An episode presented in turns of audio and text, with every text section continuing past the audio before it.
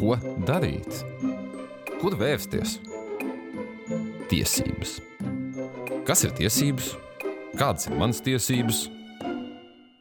Tiesības zināt. Laipni lūgti Delfa TV raidījumā Tiesības zināt. Esmu tā vadītājs Kārlis Arājs. Saņemot pakalpojumus, mēs arī saņemam tiesības paust viedokli par to. Bet kādā brīdī šīs tiesības mums vairs neaizsargā, jo varbūt paustā kritika ir nekorekta. Varbūt mēs vairs nepaužam kritiku, bet vienkārši lamājam pakalpojumu sniedzēju. Kā būt drošam, vispār, ka mēs neatapsimies ar kādu tiesvedību sava viedokļa dēļ, kā arī dodi, ko darīt, ja kāds mūsu, šī gadījumā pakalpojumu sniedzējs, brangi, bet nepamatoti lamā.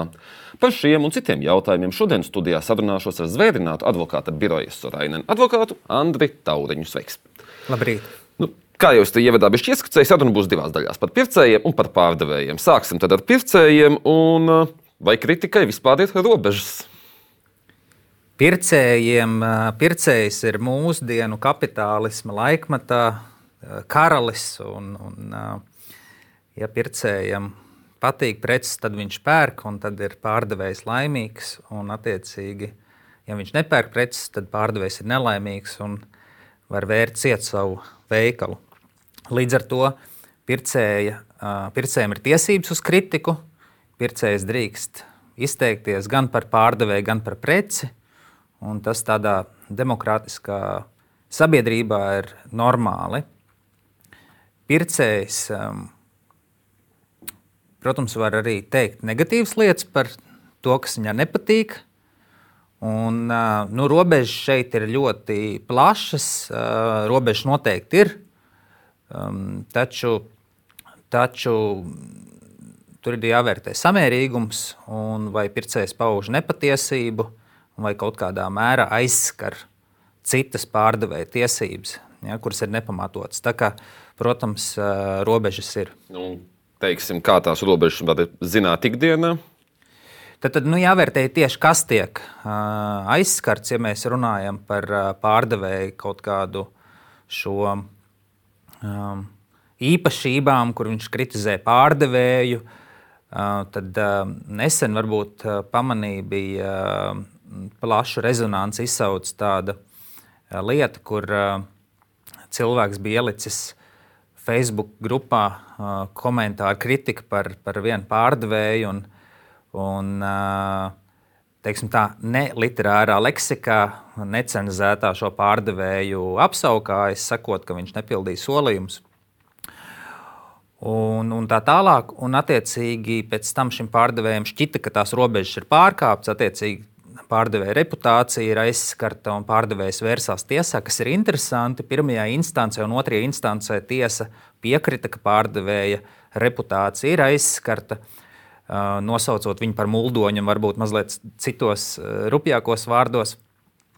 Taču pēc tam jau, kad šis pircējs tomēr turpināja un pārsūdzēja šo spriedumu augstākajā tiesā, kasācijas kārtībā, tad senāts norādīja uz to, ka nu, arī tādi vulgāri izteikumi, kas varbūt ir šķiet pirmajā acu, acu mirklī nesamērīgi, ir aizsargājami, tad, ja tiem ir pamats.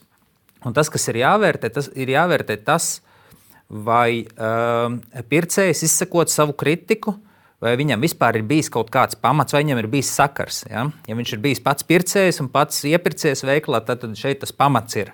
Vai viņam ir bijis pamats būt neapmierinātam ar kaut ko, tad, tad tas ir jāvērtē. Te jāvērtē ir konkrēti ar izteikumi. Un vēl ir jāvērtē tas, kā konkrēta auditorija, citi pircēji, kas pērk līdzīgas preces, šos izteikumus varētu arī tulkot.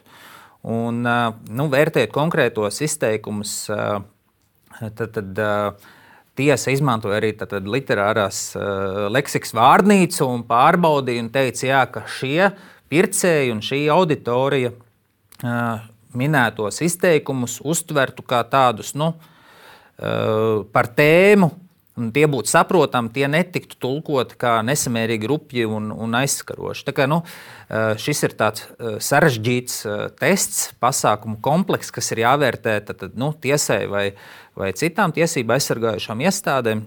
Un arī pašiem nu, pircējiem un pārdevējiem vērtēt, vai tie izteikumi kādā mērā ir aizskāroši. Jā, būtu, ka cilvēks pats teiksim, produktu ir iegādājies, tad viņam ir diezgan plašas brīvas tiesības paust arī varbūt pat nenormētā leksikā dažreiz. Nu, teiksim, pat tā, iegādājies un varbūt pat ir bijis neapmierināts. Ja? Tā kā, ja viņam ir bijis pamats teikt, ka viņš ir nopircis produktu ar zemu kvalitāti un pārdevējs ir viņu pievīlis, tad tas dod viņam daudz lielākas tiesības izteikties. Savukārt, ja pircējiem nav nekāda pamata un viņš tikai tur uh, nesceļ neslavu un pakļaujas varbūt kaut kādam pūļa tur, uh, iegribām un kopīgi ar citiem teikt, uh, troļļo, kā tagad pierasts ir teikt, tad no nu, attiecīgi šiem izteikumiem ir daudz mazāka aizsardzība. Bet, vai, piemēram, var teikt, ka pats pārdevējs ir nu, nenormēts, slikts cilvēks nu, ar upībām, vai kā, vai var tikai pašu preci kritizēt? Šeit nav tādas ļoti striktas robežas. Protams, ka daudz drošāk ir kritizēt preci un, un, un, un, un nevis pārdevēja personību, bet es nenovilku tādu ļoti striktu robežu, jo, jo jebkurā gadījumā jebkurš izteikums var tikt attiecināts uz pārdevēja personību. Un, attiecīgi, pārdevējs var šo tulkot kā savas reputācijas apdraudējumu. Un kas vispār notiek, ja, piemēram, nu, es zaudētu tiesā? Kas, nu, ko, kas varētu būt teiksim, sots vai naudas sots, vai vienkārši jāatvainojas? Jā, jā, ja, tas, pircējs, nu, ja pircējs, um, ja pircējs ir uh, pāršāvis pār strīpu un pateicis kaut ko tādu, par ko tiesa um, pēc tam teiktu, ka tas ir bijis nesmērīgs aizskārums, nu, Atkarībā no tā, ko pārdevējs būtu prasījis, ir pārdevējs, ir pārdevēji, kur varbūt prasīt tikai atvainošanos un šīs, šīs um, ziņas atsaukšanu. Ir tādi, kas varbūt prasīt arī morālo kaitējumu kompensāciju. Tā kā atkarīgs ir no, no, no, tā, no, no tā paša prasījuma. Nu, tas, tas, tas, uz ko nevajadzētu Latvijā cerēt, ka tie būtu daudz miljoni eiro. Uh, mēs noteikti nevaram par tādām milzīgām summām runāt, kādas ir pierasts redzēt eh, amerikāņu filmās.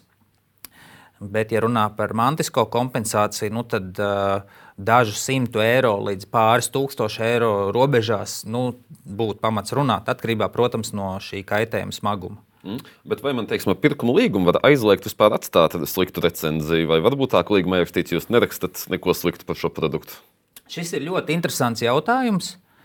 Um, Šis ir ļoti interesants jautājums. Ja mēs, tur, es pat teiktu, ka būtu jānodala varbūt uh, divas situācijas. Viena situācija, kur mēs runājam par patērētājiem, kā fiziskām personām, kas uh, interneta veikalā vai, vai, vai, vai parastā veikalā iepērkās. Un, un, un es šajā situācijā domāju, ka nevarētu aizliegt, jo zināmā mērā mēs atņemtu likumā garantētās patērētāja tiesības. Jo patērētājiem ir tiesības teikt, sūdzēties un, un, un, un, un, un īstenot savas patērētāja tiesības. Un šādā veidā aizliedzot viņam, tās tiesības tiktu kaut kādā mērā ierobežotas, un mēs tad, tad šādu rīcību nu, nebūtu pieļaujama. Kas attiecās uz juridiskām personām, jo arī juridiskas personas um, var būt pircēji un pirkt kaut kādus pakalpojumus vai preces no citām juridiskām personām. Manuprāt, šādās attiecībās ir iespējams ielikt konfidencialitātes klauzulu, tā saucamo, un aizliegumu runāt publiski par šo darījumu. Manuprāt, tam ir arī pamats. Bieži vien to arī um, komersanti dara, ieliek konfidencialitātes atrunu par šo darījumu. Mēs nerunāsim publiski. Ja kaut kas nepatīk, var arī doties uz tiesu, prasīt savu gandarījumu tiesā, bet mēs nerunāsim publiski. Tā tādā ziņā tas arī attiektos droši vien uz publiskām atsauksmēm. Ja es kā parasts cilvēks, es varu, man nevar tā izlēmt. Es domāju, ka tas būtu nesamērīgi un, un pretrunā ar patērētāju tiesību aizsargājošajām šīm tiesību normām. Un vai var būt situācijas arī, kad tieksim, uzņēmumi piedāvā labāku kaut kādu darījumu, apmaiņā pret to, ka varbūt pat nepamatot labu atsauksmi tiek atstāta? Arī īstenībā ļoti grūts jautājums. Es gan te automātiski mēģinātu vilkt analoģiju ar, ar tādu kā, ar, ar tādu kā nu, reklāmas. Reklāmas tādiem centieniem, ja, jo nu, arī mēs re, reklāmās tad, tad, aicinām cilvēkus, lai par mums stāstu labu, un tad mēs kaut kādu viņiem sniedzam atalgojumu par to um, vai kompensāciju. Man, uh, man nav tādas ļoti striktas atbildes. Protams, ka mums ir uh, normatīvi akti, kas saka, ka ar, par reklāmām ir savukārt citiem jāzina, ka tā ir reklāma vai kāds komerciāls paziņojums. Manuprāt, šeit varētu saskatīt kaut kādas negodīgas uh, komercprakses pazīmes, bet tāda ļoti viennozīmīga atbilde nav. Jo jautājums ir, kā, kā, kāda, kāds ir šis nolūks? Ja cilvēkam ir, bijis, uh, ir bijusi uh, negatīva negatīvas emocijas un, un, un negatīvu komentāru, un tad šis pārdevējs vienkārši viņu nopērk un saka, lūdzu, tagad sniedz labus komentārus, un ka tev bija ļoti labas emocijas, tad iespējams, ka šis, šī ir manipulācija. Savukārt, ja cilvēkam ir bijusi, viņš ir bijis apmierināts ar pakalpojumu vai preci, un, un, un, un, un pārdevējs viņam iedod kā, teikt, kā, kādu nu, Bonusi. bonusu, jā, tad tas tikai vairo šī cilvēka sajūsmu par pakalpojumu, un, un tur es nekādas, eh, nekādas uh, problēmas nesaskatu. Es domāju, ka mums ir ļoti daudz šādi. Pakalpojumi, kur varbūt ar tiešā veidā nesaki, lūdzu, ieliec desmit zvaigznes, bet es iedomājos, tāds booking.com. Nu, tie algoritmi jau šādi arī strādā. Ja tu daudz lieto un, un izsaki savus komentārus un, un esi aktīvs, uh, tad tev arī šos bonus punktus piešķir. Tagad jau no otras puses, tagad jau no komersanta puses paskatīsimies nedaudz. Un te, piemēram, vai es varu dzē, kā komersants dzēst tādā atsauksmē, kas man vienkārši nepatīk? Ļoti interesants jautājums. Ehm, manuprāt, eh, vairāk ētiskas dabas nekā juridiskas dabas, jo, jo eh, grūti iedomāties tādu tiesas procesu vai kādu administratīvu pārkāpumu lietu par to, ka komersants ir izdzēsis kādus komentārus. Jāskatās ir uz apjomu, jāskatās ir uz ietekmi, um, jo iespējams, ka to varētu traktēt kā negodīgas komercprakses pārkāpumu. Negodīgs komercprakses aizlieguma pārkāpumu. Tad mums ir likums, kas regulē uh, tātad, negodīgas komercprakses aizliegumu Tas nosaka, ka komercprakse nedrīkst būt maldinoša, agresīva.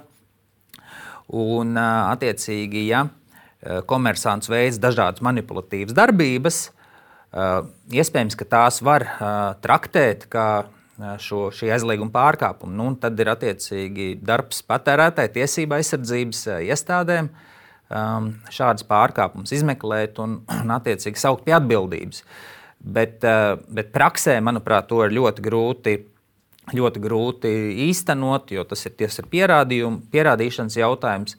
Arī šo, eh, nu, šo kaitīgumu mm, konstatēt ir, ir samērā sarežģīti. Es teiktu, ka teorijā var mēģināt, bet praksē jāskatās tiešām uz, uz cik tas ir masveidīgi un kāda ir tā ietekme.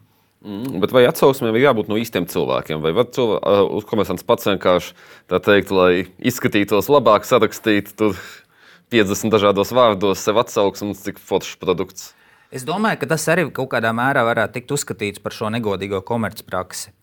Un uh, par manipulāciju ar, ar patērētājiem un patērētājiem tad varētu rasties kaut kāds nu, um, aizskārums. pamatots aizskārums, pamatots sūdzības par to, ka patērētāja izvēli ir ietekmējusi šī komersanta tātad, maldinošā, manipulatīvā rīcība.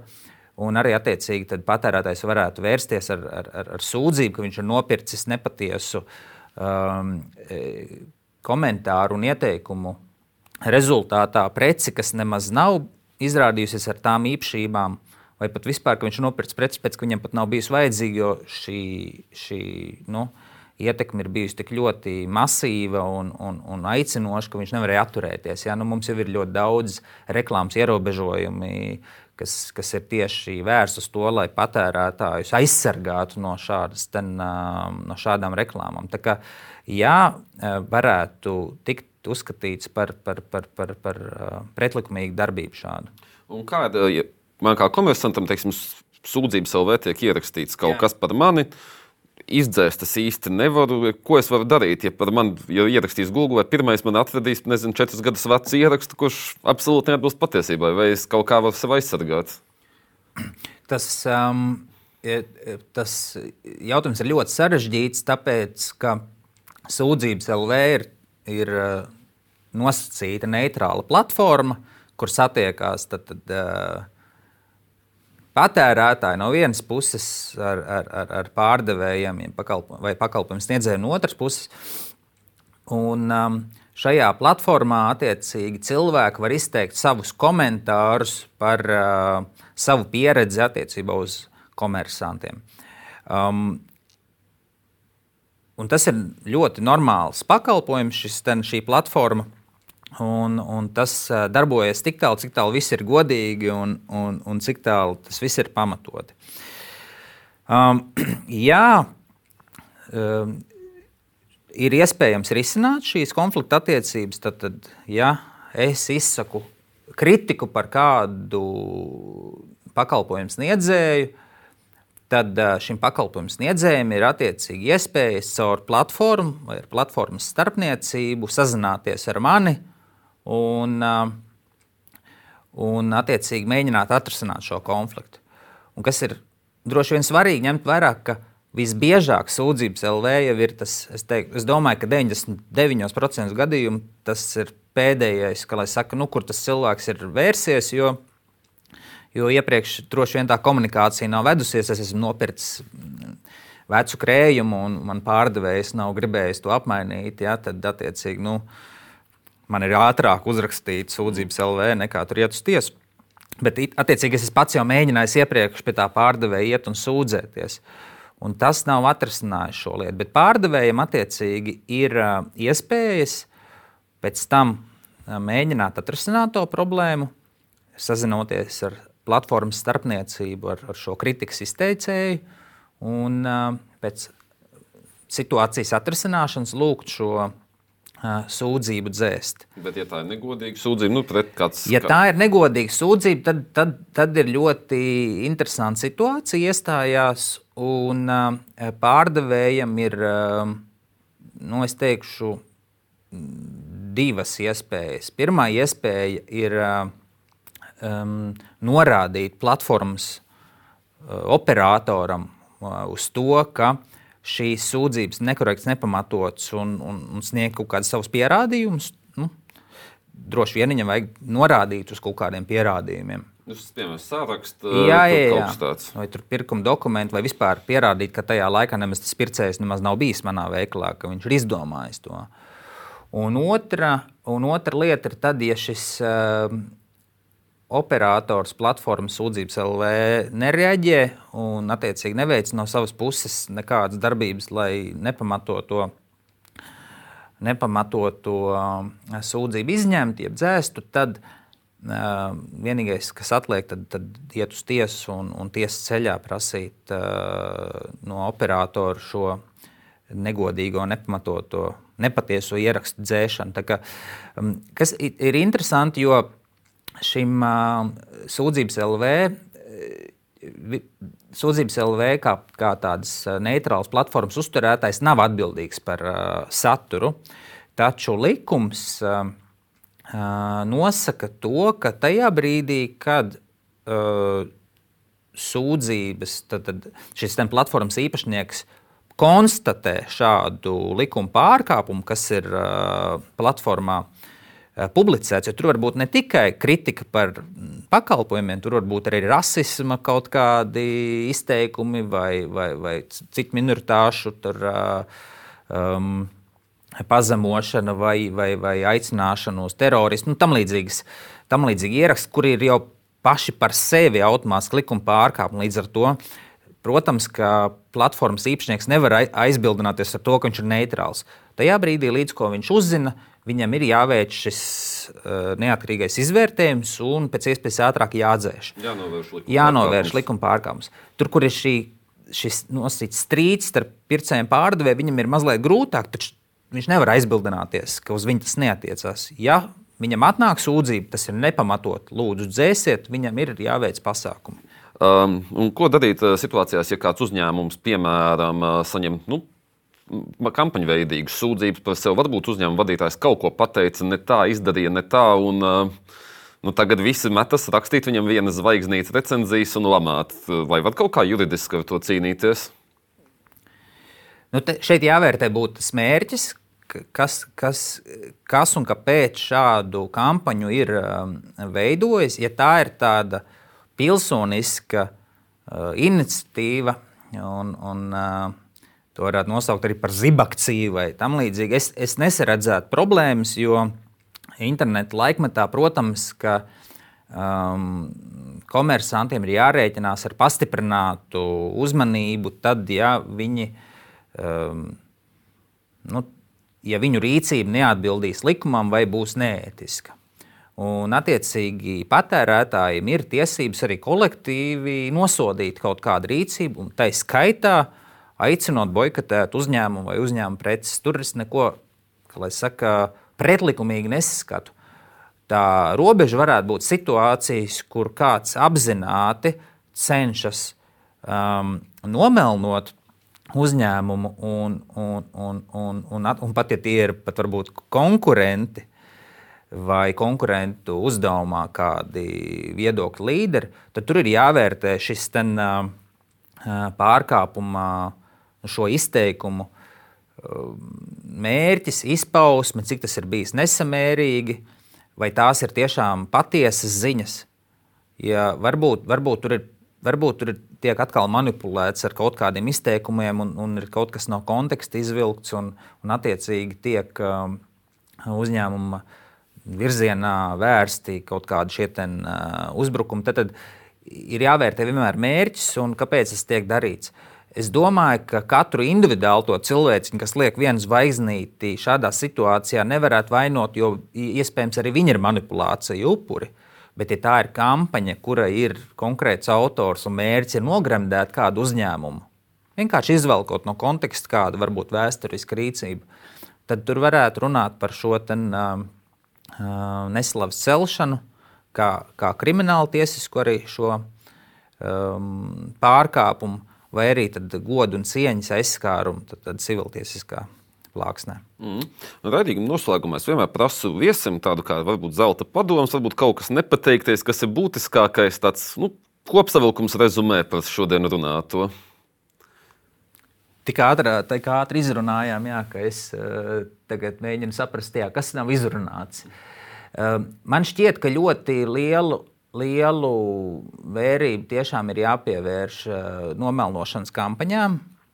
Bieži vien Um, mēs tās neatpazīstam, mēs jūtam, ka tā ir tāda masveida, uh, masveida tāda kritika, taču bieži vien cilvēki neatpazīst, ka aiz tā stāv konkrēti autori ar konkrētiem mērķiem.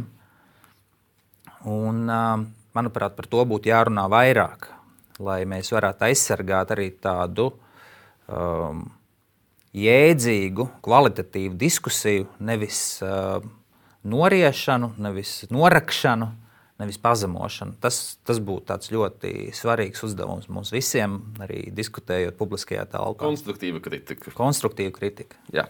Ar to teikšu jums paldies par sarunu, bet, dārgie skatītāji un klausītāji, ar jums tiksimies jau pēc divām nedēļām. Un atcerieties, mums visiem ir tiesības zināt savas tiesības. Atā!